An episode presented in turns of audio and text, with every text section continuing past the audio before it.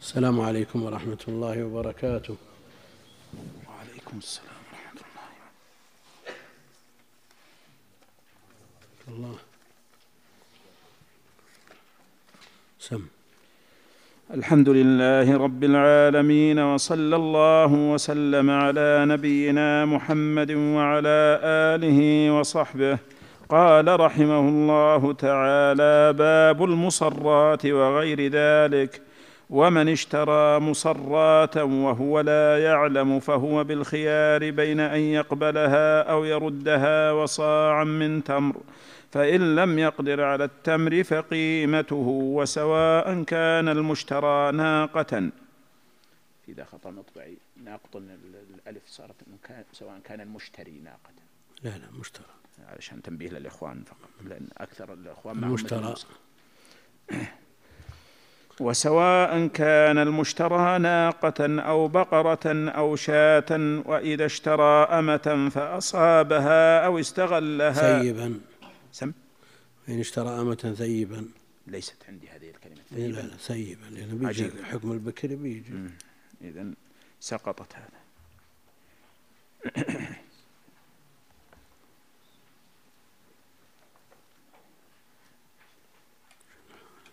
وإذا اشترى أمة ثيبا فأصابها أو استغلها ثم ظهر على عيب كان مخيرا بين أن يردها ويأخذ الثمن كاملا لأن الخراج بالضمان والوطء كالخدمة وبين أن يأخذ ما بين الصحة والعيب.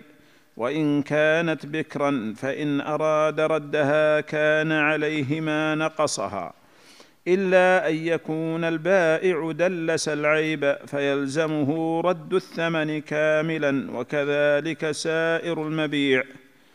ولو باع المشتري بعضها ثم ظهر على عيب كان مخيرا بين أن يرد ملكه منها بمقداره من الثمن أو يأخذ أرش العيب بمقدار ملكه فيها. وإن ظهر على عيب بعد اعتاقه لها أو موتها في ملكه فله الأرش.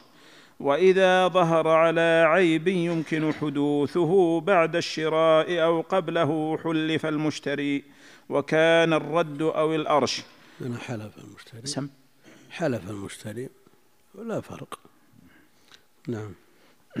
وإذا اشترى شيئا مأكوله في جوفه فكسره فوجده فاسدا فإن لم يكن له مكسورا قيمة كبيض الدجاج رجع بالثمن على البائع فإن كان له مكسورا قيمة كجوز الهند فهو مخير في الرد وأخذ الثمن وعليه أرش الكسر أو يأخذ بين صحيحه ومعيبه. ما بين يا شيخ نعم. عندنا بين.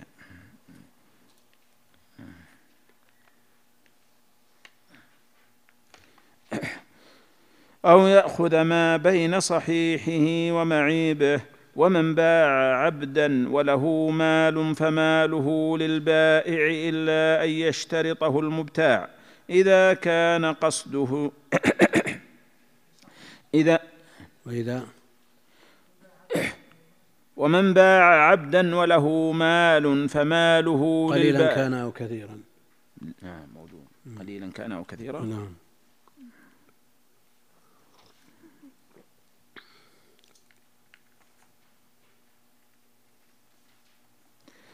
وله مال قليلا كان أو كثيرا فماله للبائع إلا أن يشترطه المبتاع. إذا كان قصده العبد لا المال ومن باع حيوانا أو غيره بالبراءة من كل عيب لم يبرأ سواء علم به البائع أو لا يعلم. أو لم عندنا أو لا. أو لم يعلم. ومن باع سلعة بنسيئة لم يجز أن يشتريها بأقل قف على هذا. أحسن. الحمد لله رب العالمين وصلى الله وسلم وبارك على عبده ورسوله نبينا محمد وعلى آله وأصحابه أجمعين. أما بعد فيقول المؤلف رحمه الله تعالى باب بيع المصرات وغير ذلك. المصرات من مما يقصد لبنه كالإبل والبقر والغنم هي التي جمع لبنها لبن أيام وربطت أخلافها واستقر اللبن في ضرعها واجتمع بحيث يظن كثيرا جمع هذا اليوم وهو له مدة بل هي لها مدة لم تحلب فيراها المشتري فيغتر. حقيقتها أن فيها لتر. مثلا وبعد التصرية يكون فيها ثلاثة لتر فالمشتري يقدم عليها بناء على هذا القدر الزائد من اللبن ويظنها ذات لبن كثير وهي في الحقيقة ليست كذلك. يقول قال ومن اشترى مصرات وهي ما جمع لبنها في ضرعها في الغالب أنها تصر أخلافها بمعنى أنها تربط. تربط حتى يجتمع اللبن. لأنها لو لم تربط هل ينزل اللبن تلقائيا أو لا ينزل؟ ها؟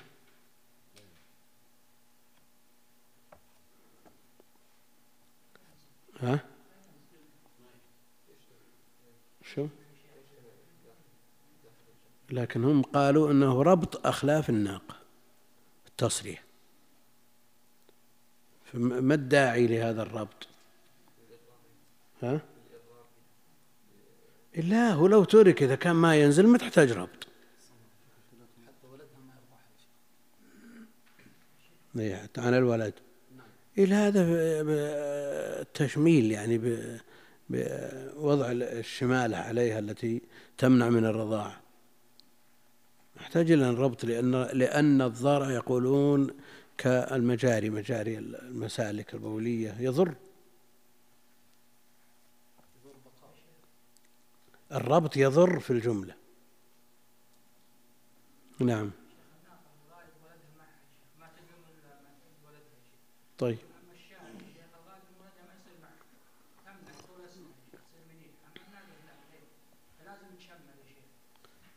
ولا والشاة والعنزة تشمل.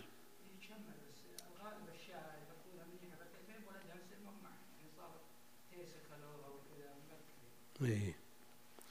المقصود أن هذه حقيقة التصرية أنها تربط أخلافها أو يترك لبنها إذا كان لا ينزل ولو لم يربط المقصود أنه يترك بحيث اغتر المشتري ويقول أن هذه الناقة وهذه الشاة وهذه البقرة فيها لبن كثير فيقدم على شرائها. ولولا ذلك ما أقدم عليها. هذا نوع غرر وغش للمشتري. وجاء فيه الحديث المخرج في الصحيحين وغيرهما من اشترى مصرات فهو بخير النظرين إما أن يقبل أو يردها مع صاع من تمر. ولذا قال المؤلف رحمه الله تعالى ومن اشترى مصرات وهو لا يعلم. وهو لا يعلم. لكن إذا كان يعلم يعرف أنها ما فيها إلا رتل بأن كانت عند صديق له أو قريب له أو شخص يتردد عليه ويعرف مقدار ما في هذه الناقة أو بلغه ذلك ثم أقدم عليها وقد جمع في لبن في ضرعها من اللبن أكثر مما يعلم. ولذا قال وهو لا يعلم لأنه إذا علم سقط خياره ليس له خيار. لأنه ما غر ولا غش فهو بالخيار بين أن يقبلها على عيبها أو يردها وصاعا من تمر لأن بعض العيوب وإن كان عيب وإن كان مغشوش ومغرور مدلس عليه يكون مغتفر في في ما نقص من الثمن. وتشتري سلعة بدون غش بدون غش تستحق ثمن مرتفع تستحق ألف مثلا. ومع الغش تستحق ثمانمائة لكنك اشتريت بسبعمائة. تقول والله أنا مغشوشة برجع. نعم. لا. لا ولذا مثل هذا هل يقتضي بطلان العقد ولا يقتضيه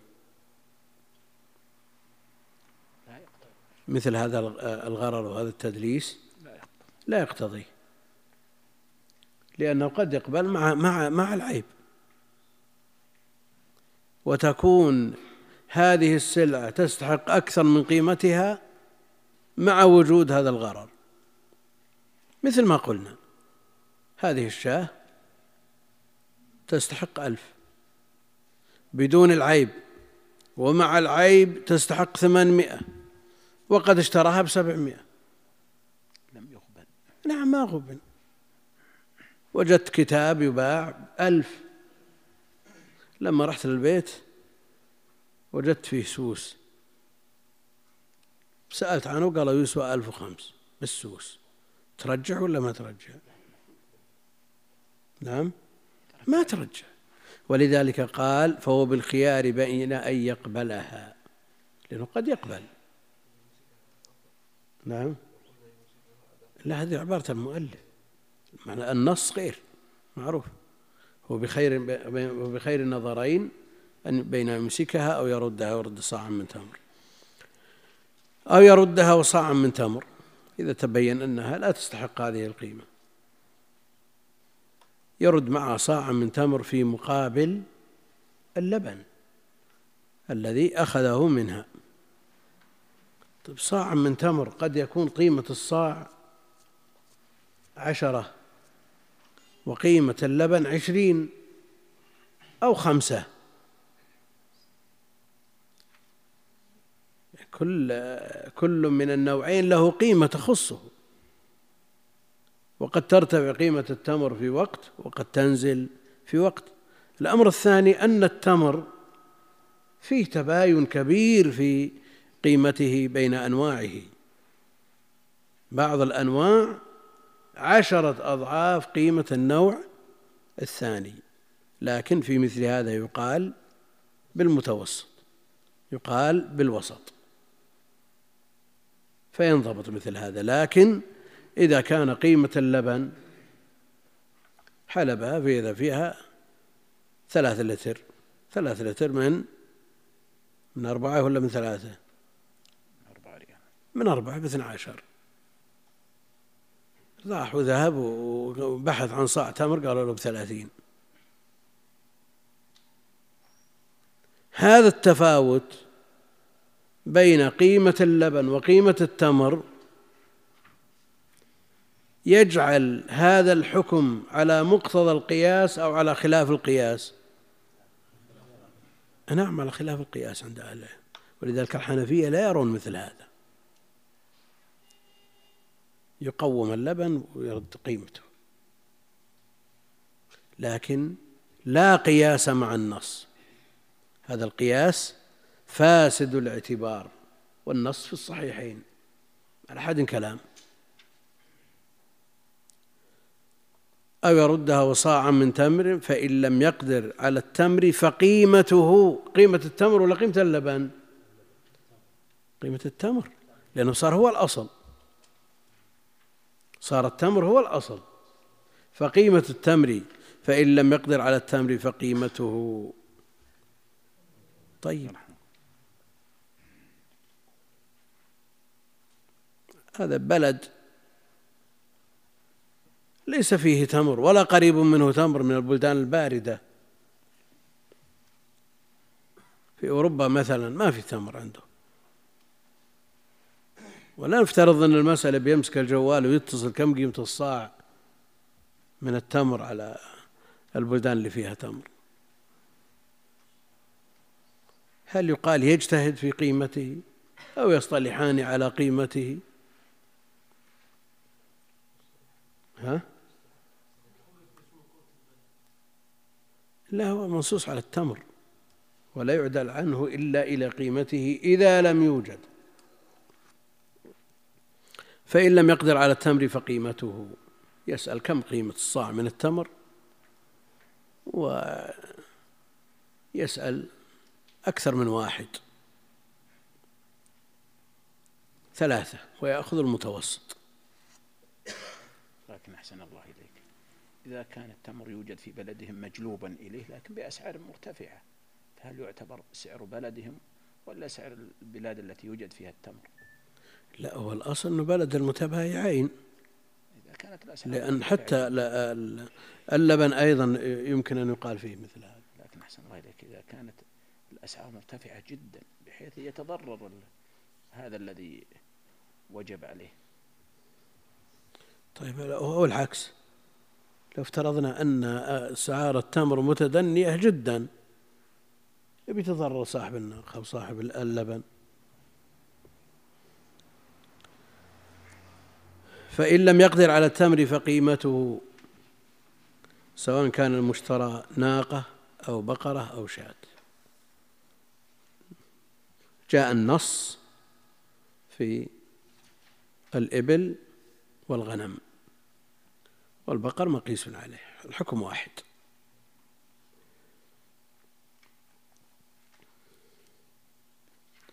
الحنفية قالوا هذا على خلاف القياس وخبر آحاد لا يخالف به القياس. وهذه قاعدة عندهم لكنها قاعدة مرفوضة. قاعدة مرفوضة. أنه في مثل هذه الحالة يقدم القياس على النص الصحيح الصريح. مقرر عند أهل العلم أنه لا قياس مع النص. والقياس في مقابل النص باطل. فإذا ثبت الخبر عن النبي عليه الصلاة والسلام فلا كلام لأحد. وإذا جاء نهر الله بطل نهر معقل كما قال الإمام مالك. وإذا اشترى أمة ثيبا فأصابها جامعها أو استغلها بعض النسخ استعملها استعملها في خدمته أو في خدمة غيره بالأجرة مثلا. هي ثيب الثيب تتضرر بالجماع ولا تتضرر؟ لا تتضرر. ولم يتعرض المؤلف في حالة ما إذا حبلت منه. وطئها وما حصل شيء. يقول وإذا ولذا فرق بينها وبين البكر. وإذا اشترى أمة ثيبا فأصابها أو استغلها خدمت عنده لمدة شهر ثم ثم بان ظهر العيب. هل يرد معها أجرة الشهر؟ لا. ثم ظهر على عيب كان مخيرا بين أن يردها ويأخذ الثمن كاملا لأن الخراج بالضمان لأن الخراج بالضمان لأنها لو ماتت كانت من ضمانه.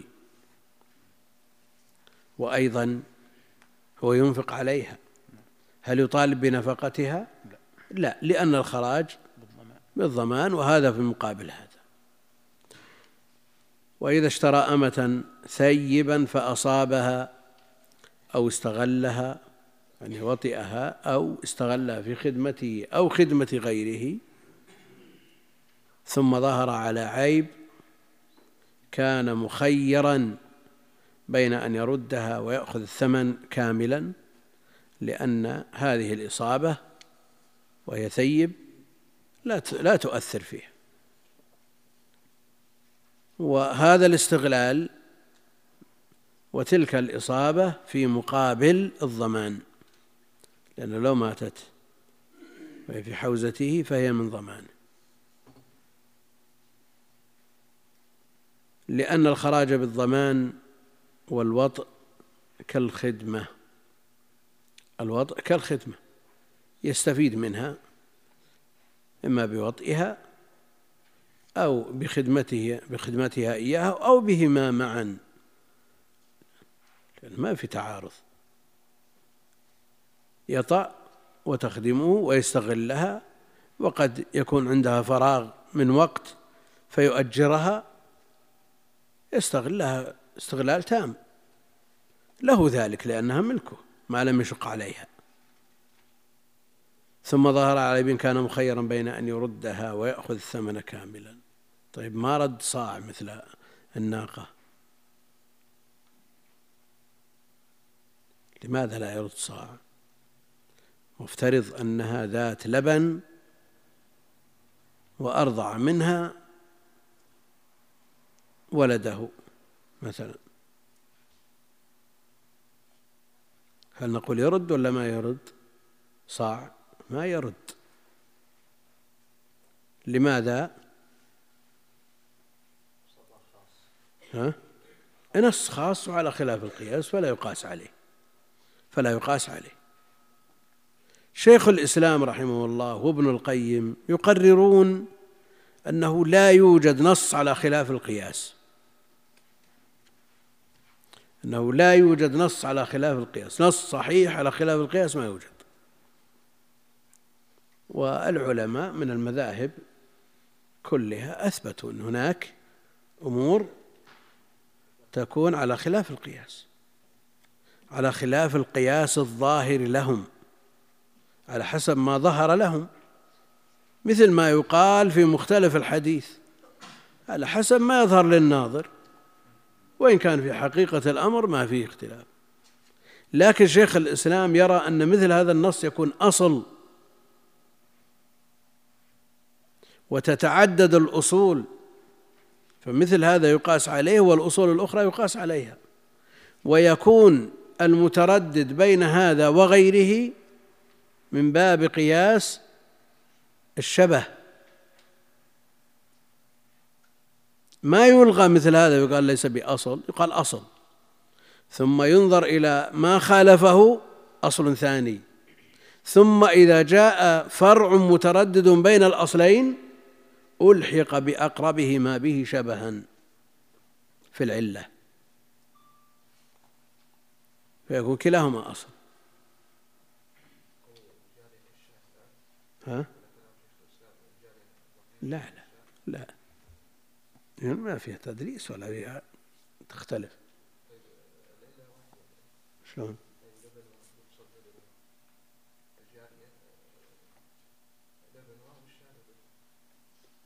إي لكن هذا حصل فيها غرر وتدليس ما في غرر. العيب في غير اللبن. العيب في غير اللبن. الآن من من قياس الشبه التردد في الرقيق. هل هو كالدابة كالبهيمة لأنه يباع ويشترى أو كالآدمي لأنه في الأصل آدمي وله خصائص وله مميزات وله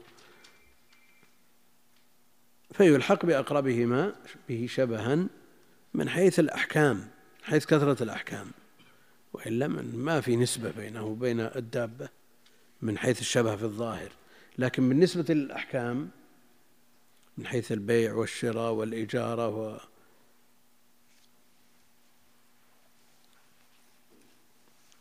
فهذا من هذا النوع هذا الذي يسميه أهل العلم قياس الشبه. نعم.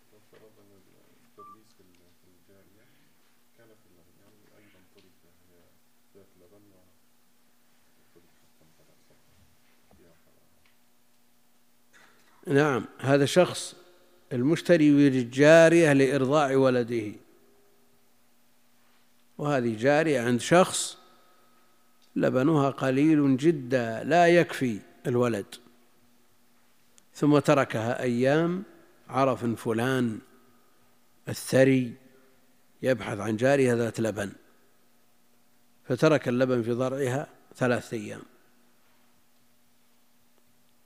هل الصورة مطابقة. ها؟ ترك اللبن ثلاثة أيام. ثم لما رآها هذا الثري بدل من يشتري بعشرة آلاف قال خمسة عشر ألف استرسل. لما رضع الولد اليوم من بكرة ما في شيء إلا شيء يسير ما يكفيه. هل قلنا مثل الشاة يرد صاع؟ المقصود اللبن الآن. هو مشتريها من أجل اللبن. ها؟ ولا عيب فيها سوى قلة اللبن. تكون مثل الشاة تماما.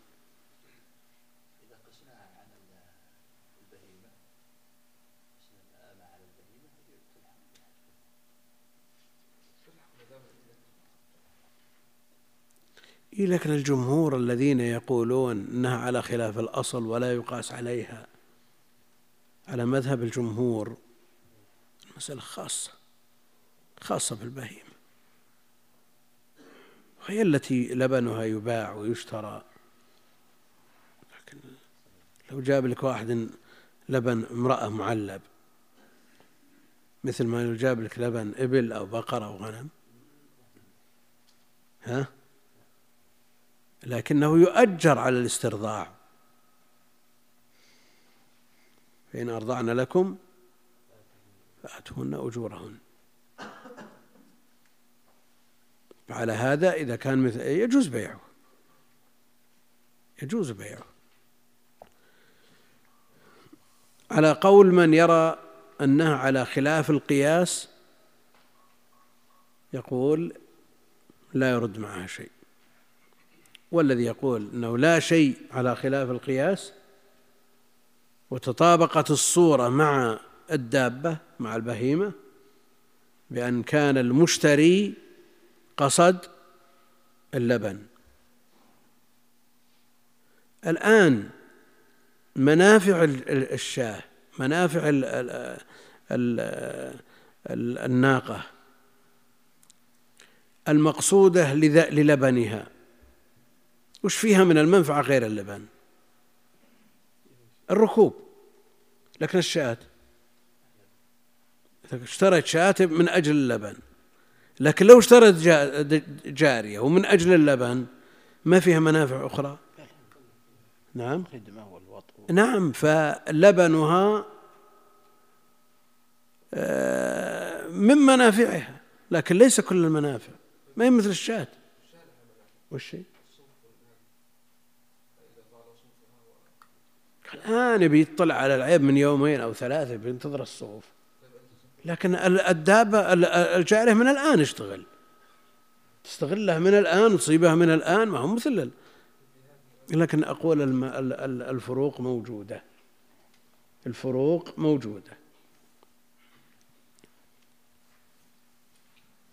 وبين كان مخيرا بين أن يردها ويأخذ الثمن كاملا لأن ما ذكرنا لا ينقصها الوطء لا ينقصها لأنها ثيب والاستغلال والاستعمال في مقابل الضمان لأن الخراج بالضمان والوطء كالخدمة وبين أن يأخذ ما بين الصحة والعيب يأخذ الأرش. يأخذ الأرش.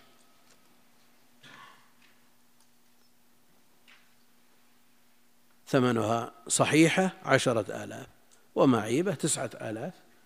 يأخذ ألف.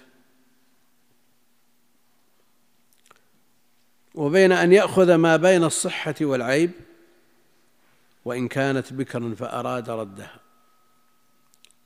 يعني كانت بكرا فأصابها وأزال بكرتها فأراد ردها لأنه اطلع على عيب.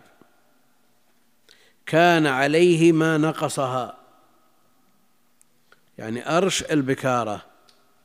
بكر بعشرة آلاف وثيب بتسعة.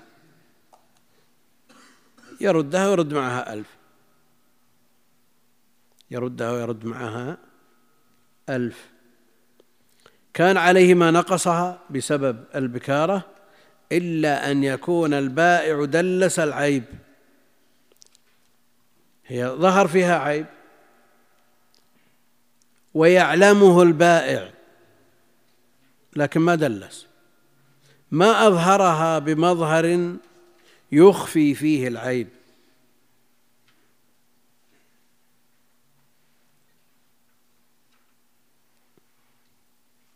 إلا أن يكون البائع دلس العيب.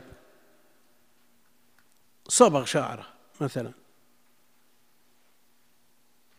أو عمل فيها عمل عمليات تجميل وشد فظهرت بمظهر أم ثلاثين وهي في الحقيقة خمسين.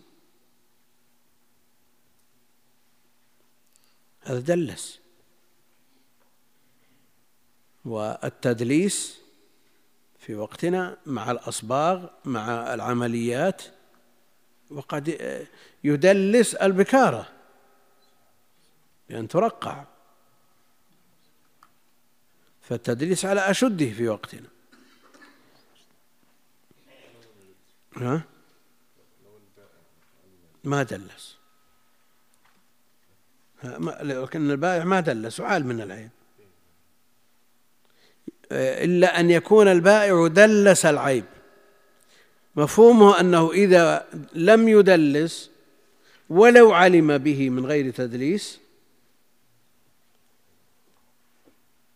إن كان البائع دلس العيب فيلزمه رد الثمن كاملا وإن كانت بكرا فأصابها المشتري.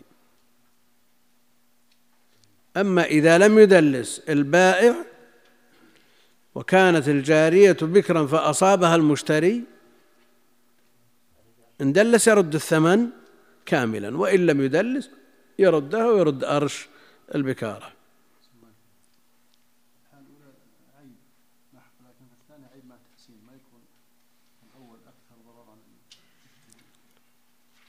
عيب مع تحسين.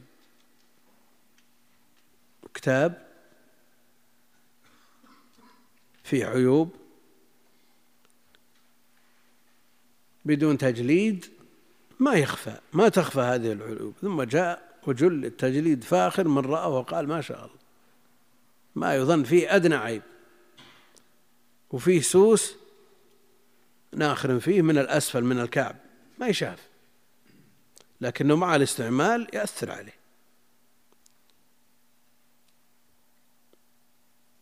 وهذا مجلده لنفسه. ما نوى يغش بأحد فجاء واحد قال بكم؟ اشترى. هذا على عيب لكنه ما دلس عليه.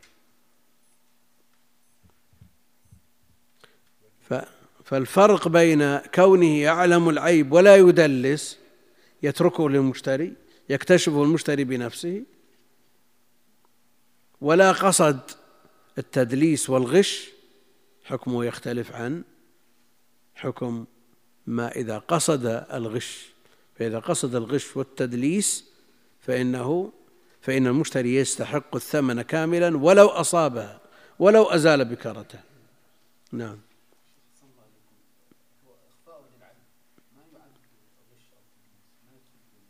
إلا إذا أخفى العيب صار تدليس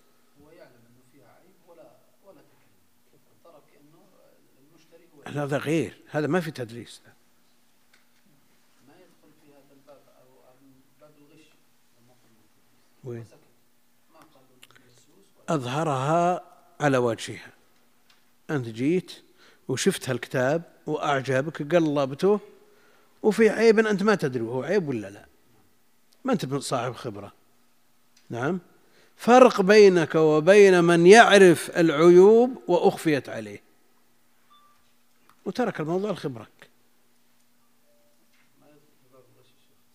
كيف؟ هو يقول كتاب بين يدك جلب. كتاب بين يدك المقصود إنه ما خف عليك. أعطاك السلعة وقال خذ. ترك الموضوع لخبرتك. فرق بينه وبين أن يظهر السلعة بمظهر إنها لا عيب فيها.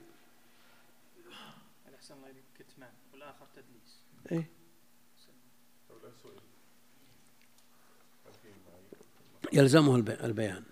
يلزمه البيان.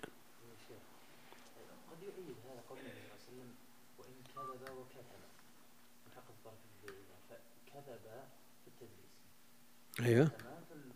هذه مسألة محق الرزق. بارك. يعني فرق بين آه، عدم البيان وبين بيان العدم. عدم بيان العيب فرق بينه وبين بيان عدم العيب. فرق كبير.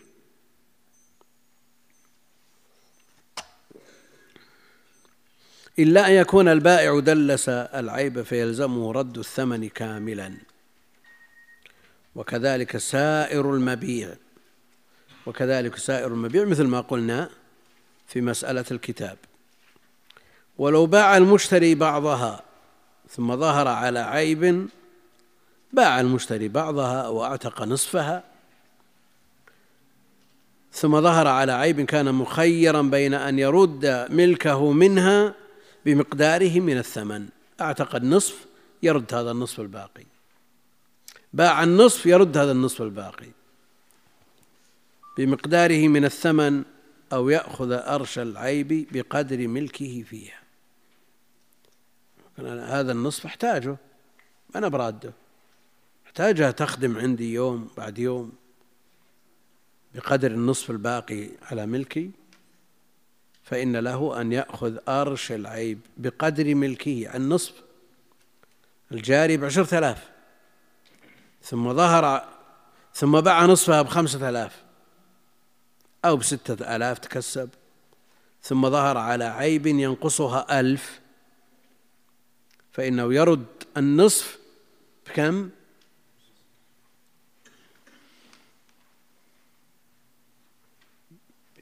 بحظه مما اشترى. نعم بنصيبه مما اشترى. وإن أراد الأرش وهذا العيب ينقصها ألف أخذ خمسمائة ولو باع المشتري بعضها ثم ظهر على عيب كان مخيرا بين أن يرد ملكه منها بمقداره من الثمن. قيمته خمسة آلاف. يأخذ خمسة آلاف. لكن البائع قال أنا بعتك كامل. أنا ما أستفيد من النصف. والمشتري قد لا يقدم على شراء نصف. إما أن تردها كاملة أو تأخذها كاملة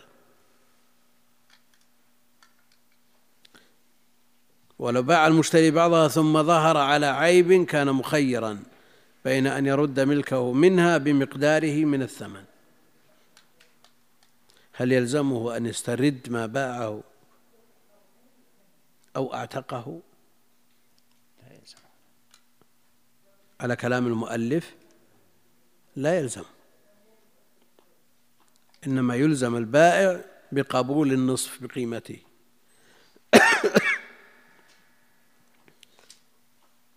طيب ظهر على عيب. هل يختلف الحكم فيما إذا لم يعلمه البائع؟ أو علمه ولم يخبر به من غير تدليس أو دلسه فالصور ثلاث. البائع ما علم. الصورة الأولى. الصورة الثانية علم لكن ما دلس. تركه لفطنة المشتري. الصورة الثالثة دلسه. أظهر السلعة بمظهر لا عيب فيها. هنا ما فرق. ولو باع المشتري بعض ثم ظهر على عيب كان مخيرا بين أن يرد ملكه منها بمقداره من الثمن. أو يأخذ أرش العيب بمقدار أو بقدر ملكه فيها. وإن ظهر على عيب بعد اعتاقه لها إن خرجت من يده بعتق. وإن ظهر على عيب بعد اعتاقه لها أو موتها في ملكه فله الأرش. يعني يتعين الأرش لماذا؟ لأنه يتعذر الرد. إذا اعتقها ما يملك ردها وإن ظهر على عيب بعد اعتاقه لها أو موتها في ملكه فله الأرش. لماذا؟ لأن الخيار الثاني وهو الرد متعذر. وإذا ظهر على عيب وإذا ظهر على عيب يمكن حدوثه بعد الشراء وقبله حلف المشتري. حلف المشتري وكان له الرد أو الأرش إذا ظهر على عيب يمكن حدوثه بعد الشراء. وهذا أحد احتمالات ثلاثة. ظهر على عيب يتعين. وجوده قبل الشراء. جرح. لكنه واضح أن مندمل أو أخذ في آه، الشفاء. والعقد قريب. واضح من من من آه، وضعه أنه من شهر مثلا. يدخل معنا؟ لا يدخل. عيب يتعين حدوثه بعد الشراء. شرى اشترى دابة أو جارية فظهر فاطلع على عيب فيها طري والعقد له شهر. يدخل ولا ما يدخل؟ لا. ولذا قال وإذا ظهر على عيب يمكن. يمكن. حدوثه بعد الشراء وقبله حلف المشتري وكان له الرد أو الأرش. لماذا لا يحلف البائع؟ أنه ما حدث في ملكه. أنه حدث بعد العقد. يحلف المشتري أنه حدث قبل العقد.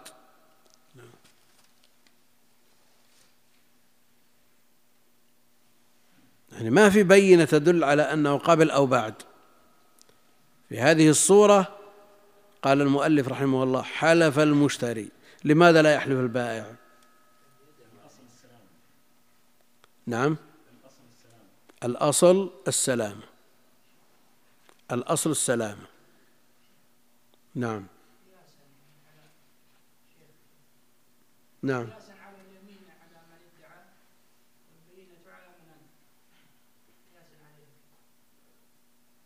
البينة على المدعي. أيهم المدعي؟ إذن عليه بينة ما عليه يمين. اليمين على النافع اللي هو البائع. هو المنكر.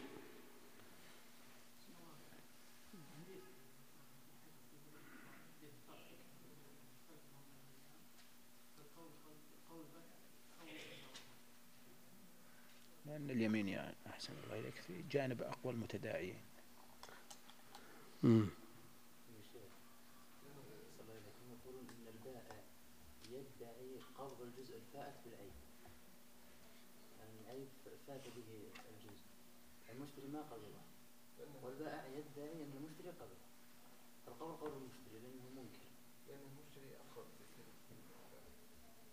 أقرب لإيش؟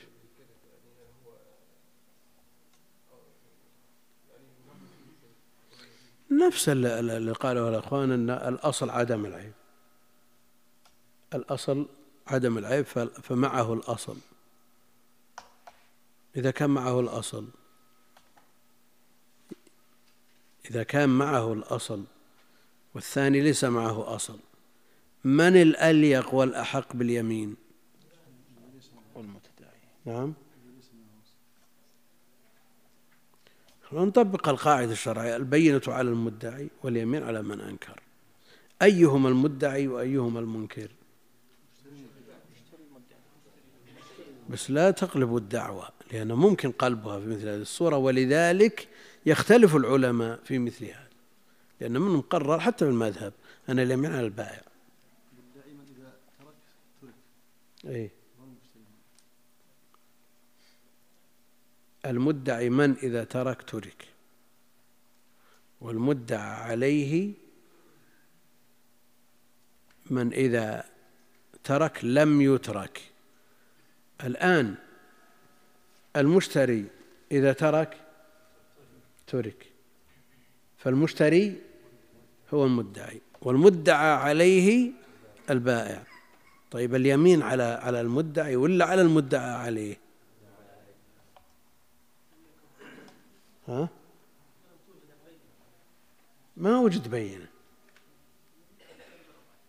على من؟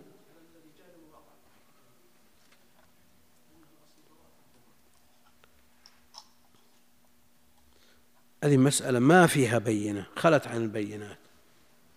فهل نقول أن اليمين على المدعي الذي هو المشتري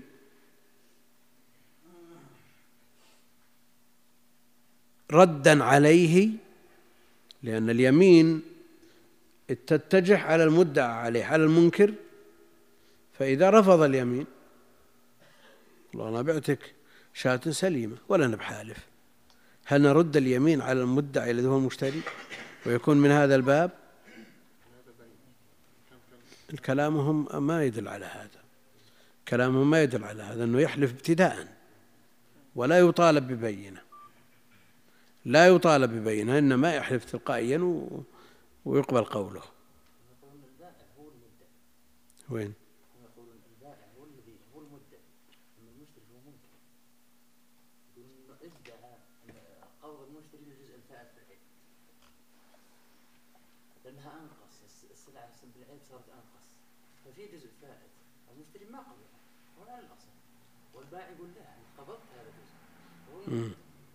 يعني إذا افترضنا أن هذه السلعة بعشرة آلاف وبعد ظهور العيب تسعة آلاف ولا يدرى هل العيب عند البائع أو عند المشتري حدث بعد العقد أو قبله. هذا الألف الذي يتداعى فيه البائع والمشتري ويتدافعانه هل قبضه المشتري أو لم يقبضه؟ البائع يدعي أنه قبض. والمشتري يدعي أنه لم يقبض هذا الألف. لكن هل هذه الدعوة على وجهها أو مقلوبة؟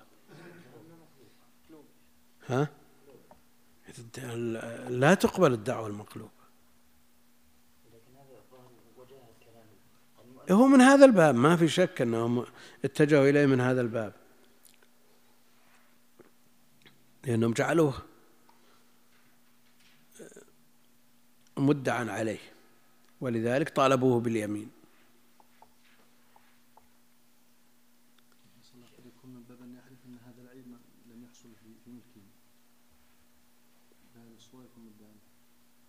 وين؟ الأصل مع الأصل عدم حدوث العيب الأصل ما فيها عيب الأصل عدم العيب أن السلعة سليمة لكن ظهر هذا العيب. فالمد فالبائع قال لا هذا بعد ما بعنا وانتهينا. الشاري المشتري يقول لا هذا من الأصل. ولم أطلع عليه إلا في وقت متأخر. على كل حال المسألة خلافية. لكن ما المرجح؟ هل ما اختاره المؤلف هو المرجح بناء على القواعد؟ الشرعية في القضاء.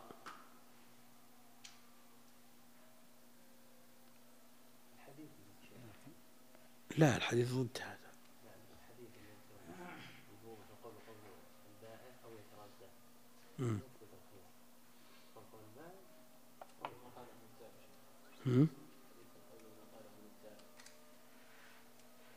والله إني نسيها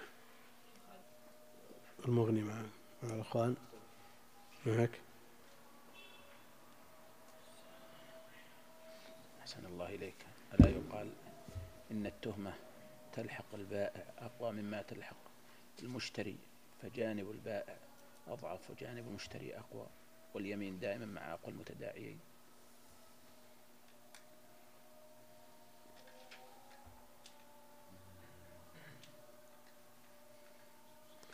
يعني هذا العيب الذي وجد. هل الأصل هل الأصل وجوده أو الأصل عدمه؟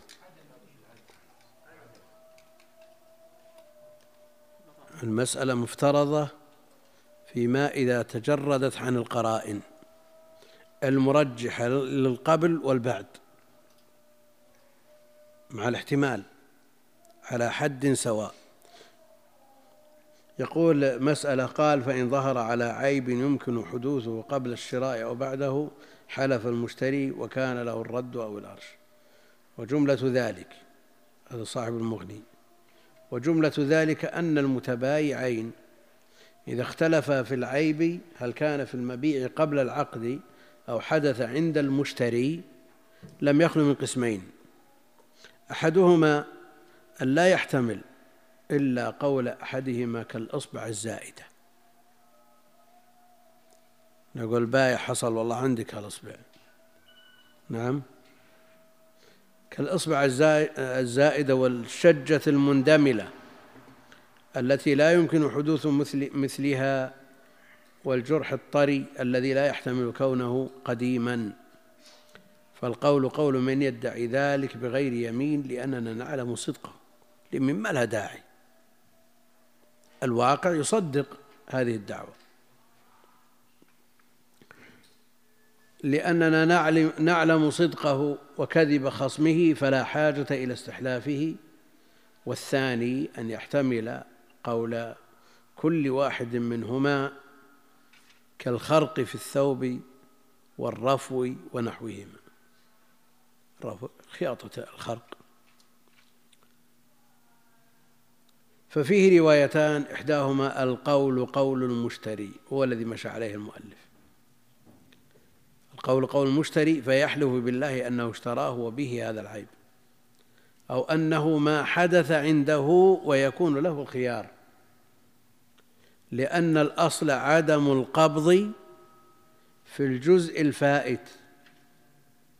يعني مثل ما قلنا أن هذا المقدار الذي نقص من قيمة السلعة بالعيب البائع يقول أنا سلمتك سلمتك إياه كاملا فهو مدعي.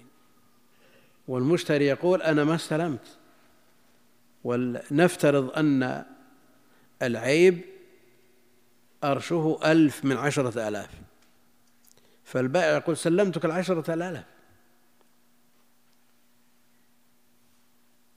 سلمتك العشرة آلاف التي هي عبارة عن هذه السلعة.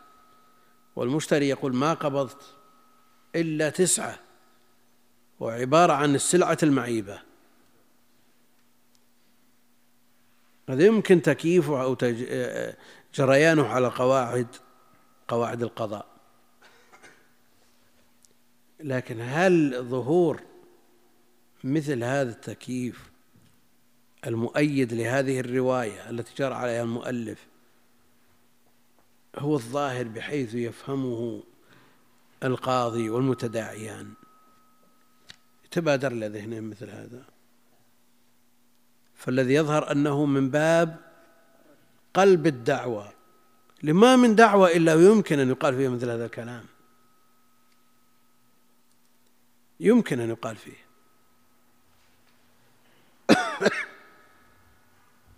ففيه روايتان إحداهما القول قول المشتري فيحلف بالله أنه اشتراه وبه هذا العيب أو أنه ما حدث عنده ويكون له الخيار لأن الأصل عدم القبض في الجزء الفائت واستحقاق ما يقابله من الثمن ولزوم العقد في حقه فكان القول قول من ينفي ذلك كما لو اختلف في قبض المبيع والثانية القول قول البائع مع يمينه فيحلف على حسب جوابه.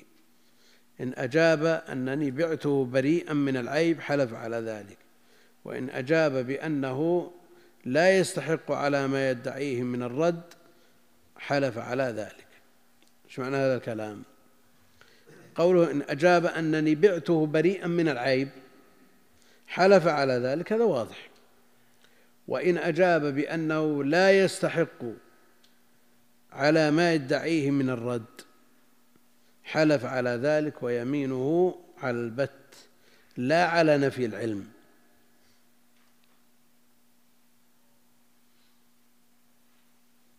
وإن أجاب بأنه لا يستحق على ما يدعيه من الرد. إيش معنى هذا الكلام؟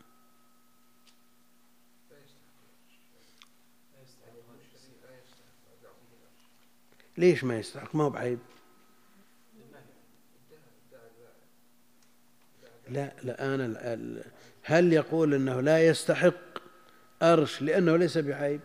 أو عيب لا يستحق عليه الأرش؟ ها؟ لكن سواء قلنا هذا أو هذا فأهل الخبرة هم اللي يقررون أنه يستحق الأرش. ما يقررها البائع. ولا المشتري أيضا. لأن المشتري بيقول الأرش ألفين والبائع بيقول ألف أو أقل.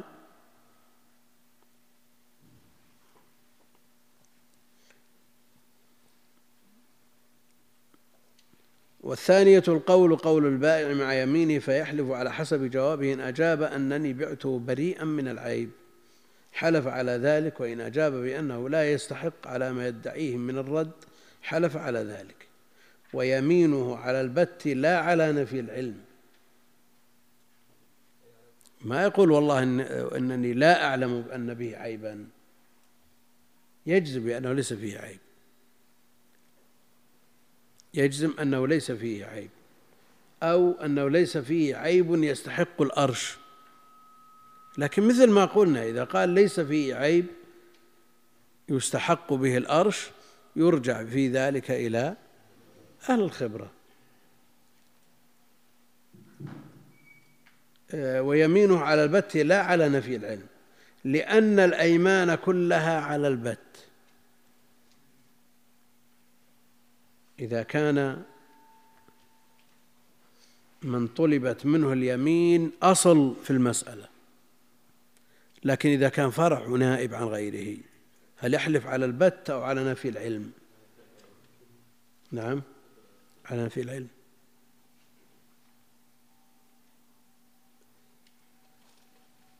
إذا وجد دين على زيد لوالد عمرو. نعم. على زيد لوالد عمرو. والد عمرو مات. والدين مثبت بوثيقة. ثم ادعى زيد أن العقد عقد ربا. العقد عقد ربا. وأن وأنه ما قبض من من والد عمرو إلا بعض المبلغ والباقي في مقابل الأجل. أعطاه خمسمائة أو ستمائة وكتب عليه ألف. هل يحلف عمر على عدم وجود الربا في العقد أو على نفي علمه بوجود العقد؟ على نفي علمه. لا يستطيع أن أن يحلف وما حضر ولا يطالب بأكثر مما يستطيع. وإلا لو قيل مثل هذا لكان كل مدين يدعي مثل هذه الدعوة. كل مدين يمكن يدعي هذه الدعوة. فإذا طولب الفرع بأن يحلف على البت ضاعت الديون. إنما يحلف على حد علمه والباتي الله جل وعلا يتولى حسابه.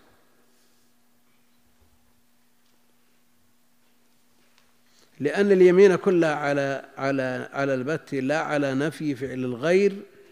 وبهذا قال أبو حنيفة والشافعي لأن الأصل سلامة المبيع وصحة العقد ولأن المشتري يدعي عليه استحقاق فسخ البيع وينكره والقول قول منكر.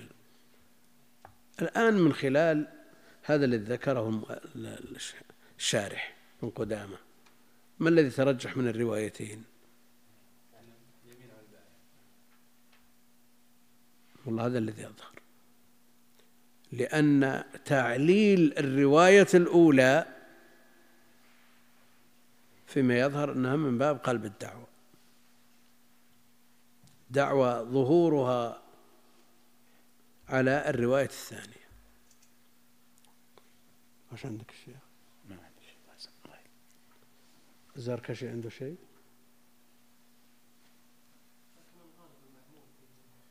ها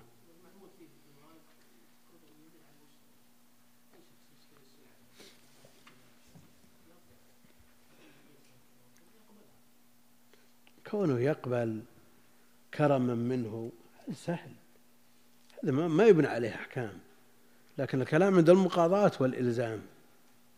نعم.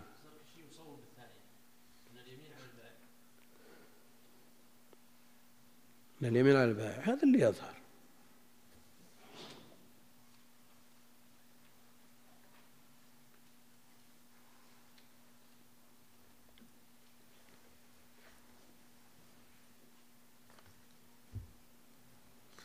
قال رحمه الله وإذا اشترى شيئا مأكوله في جوفه اشترى شيئا مأكوله في جوفه لا يمكن أن يرى أثناء العقد ولا يمكن أن يطلع عليه إلا بكسره وإتلاف إما بإتلافه أو بإتلاف قشره وبقاء قيمته. وإذا اشترى شيئا مأكوله في جوفه. يقول مثل البطيخ والجوز واللوز وغير ذلك. فكسره فوجده فاسدا. فإن لم يكن له مكسورا قيمة كبيض الدجاج. طيب اشترى بيض دجاج فوجده فاسد. لما كسره لاستعماله وجده فاسد. كم يسوى فاسد؟ ها؟ لا شيء. فإن لم يكن له مكسورا قيمة كبيض الدجاج رجع بالثمن على البائع. وإن كان له مكسورا قيمة كجوز الهند فهو مخير في الرد وأخذ الثمن. القيمة الآن لما حصل عليه العقد وهو في الجوف أو في القشر. هو وجده فاسدا. وجده فاسد. هل المقصود هذا الفاسد إما أن لا يكون لا قيمة له مثل بيض الدجاج أو له قيمة مع فساده.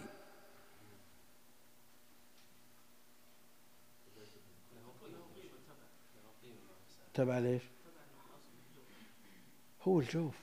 الكلام كله على المبيع الذي في جوف هذا القشر. سواء كان له قيمة أو لا قيمة له. كلام العقد على ما في الجوف.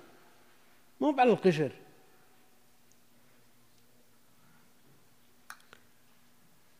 فإن لم يكن له مكسورا قيمة كبيض الدجاج رجع بالثمن على البائع وإن كان له مكسورا قيمة كجوز الهندي فهو مخير في الرد وأخذ الثمن وعليه أرش الكسر أو يأخذ ما بين صحيحه ومعيبه.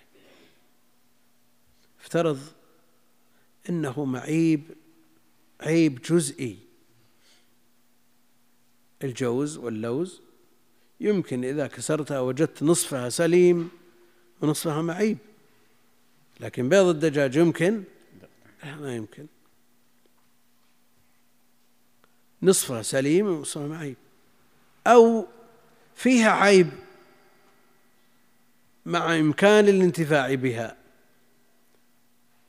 كسرت الفستق فبدلا من أن تكون آه، بحجم قشرها فيها ضمور أو فيها سوس أو فيها شيء. أن مثل هذا له قيمة. يعني ليس آه، مثل بيض الدجاج لا قيمة له البتة. وإن كان له مكسورا قيمة كجوز الهندي يعني نصفها معيب ونصفها سالم يمكن أكله. فهو مخير في الرد وأخذ الثمن وعليه أرش الكسر. لأنه يمكن الافاده منها. فيكون الأرش قيمتها ما بين السلامة السلامة والعيب. لكن هل مثل هذا يقال له معيب ولا فاسد؟ لا لأنه قال فوجده فاسدا. ترجمة بالفساد يعني أنه ما كيف تكون له قيمة وهو فاسد؟ لا لا لا ما هو في العقد في المادة المبيعة. يمكن أن يستفاد منه في غير الأكل إذا فسد.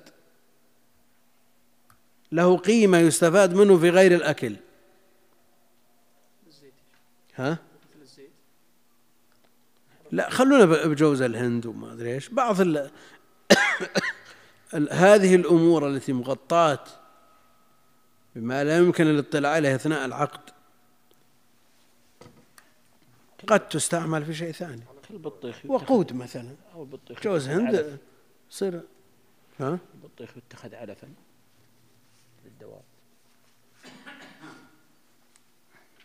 نعم يتخذ علف للدواب ما يصلح لبني آدم أو مثل هذه الأمور بالكميات يمكن تتخذ وقود يمكن تركب مع أشياء وتصير اي نعم إيش تسوي؟ شلون؟ شلون؟ يستنبط منها الزيت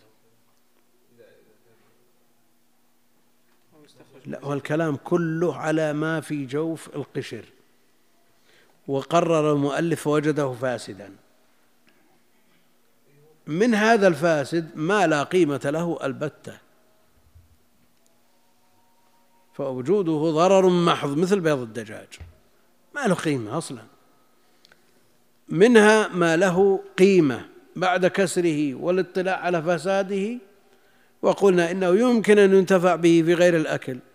يركب مع الأشياء مع أشياء أخرى فيكون علاج مثلا. أو يستخرج منه زيوت بس ما هو من الفاسد. لا لا لا.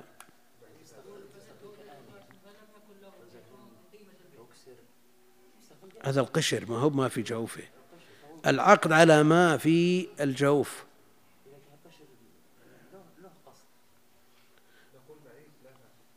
وش فاسد بالنسبة للهدف الأصلي من شرائه وهو الأكل. لكنه يمكن يمكن أن ينتفع به في غير الأكل. هذا إذا قلنا أن العقد منصب على ما في جوفه. اشترى شيئا مأكوله في جوفه فوجده فاسدا. فوجده فاسدا. يدل على أن العقد على ما في الجوف لا على القشر. ولا شك أن القشر إذا كان صلبا يمكن أن يستفاد منه لكن العقد وش عليه على ما في جوفه. فإن أمكن الإفادة مما في جوفه في غير ما يستعمل له أصالة كالأكل له قيمة. قال هات قال بيركب علاج مثلا العطار بيركب علاج قال هات جوز هند فاسد. لأنه أحيانا فساد المادة لا يعني إلغاءها بالكلية. الخبز إذا عفن فسد بالكلية؟ قلنا البنسلين من الخبز المعفن. نعم على هذا حتى بيض الدجاج لو أمكن استخدامه بعد فساده يعني يصير له وش تطفيه بنار ولا وش تسوي؟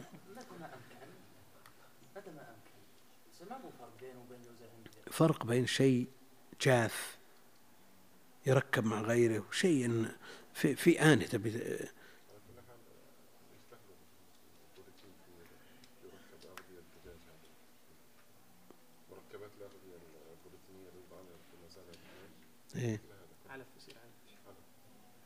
أنا أقول يستعمل في غير ما اشتري من أجله. له قيمة. فإن كان وإن كان له وإن كان له مكسورا قيمة كجوز الهند فهو مخير في الرد وأخذ الثمن. وعليه أرش الكسر أو يأخذ ما بين صحيحه ومعيبه بكم سليم. الكيلو خمسين مثلا. كم معيب تشترى معيب؟ الكيلو بعشرة. يأخذ الفرق. نعم. شلون؟ لا هو فاسد فساد تام بالنسبة لما عقد عليه من أجله وهو الأكل. إيه إيه في الأصل. هو بالنسبة للأكل فاسد ولا معروف هذه أمور مأكولة. هذا الأصل فيها. بيض النعام يستفاد من قشره على حسب ما يمكن تكييفه عليه. الأصل إن لم يكن له مكسورا قيمة أو كان له مكسور قيمة.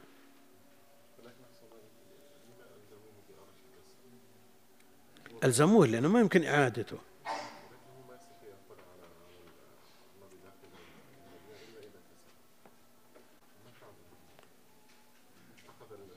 فرق بين أن يطلع على على العيب بأدنى كسر وبين أن لا يطلع عليه إلا بالكسر الكامل. الآن لو لو اشترى بطيخ زينتها عشرين كيلو فجاء فقدها نصفين وبإمكانه أن يطلع على العيب بالأنموذج بقطعة يسيرة.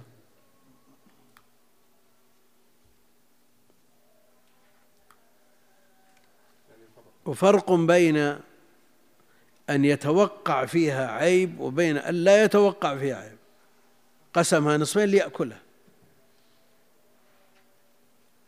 ما تردد في كونها صالحة فبانت معيبة. وإذا توقع وغلب على ظنه أنها معيبة ثم تصرف بها تصرف يتلفها مع أنها في الأصل تألفة إلا أنها يمكن الإفادة منها كعلف للدواب مثل ما قال الشيخ. بيقول كالبائع ليش تفكها تكسرها كسر كامل؟ تتلفها. ها؟ إيه. صحيح. ما يمكن أن يطلع على على ما في جوفه إلا بفتح.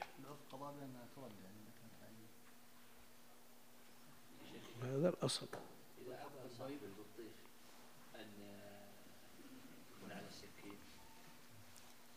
إذا إذا التزم.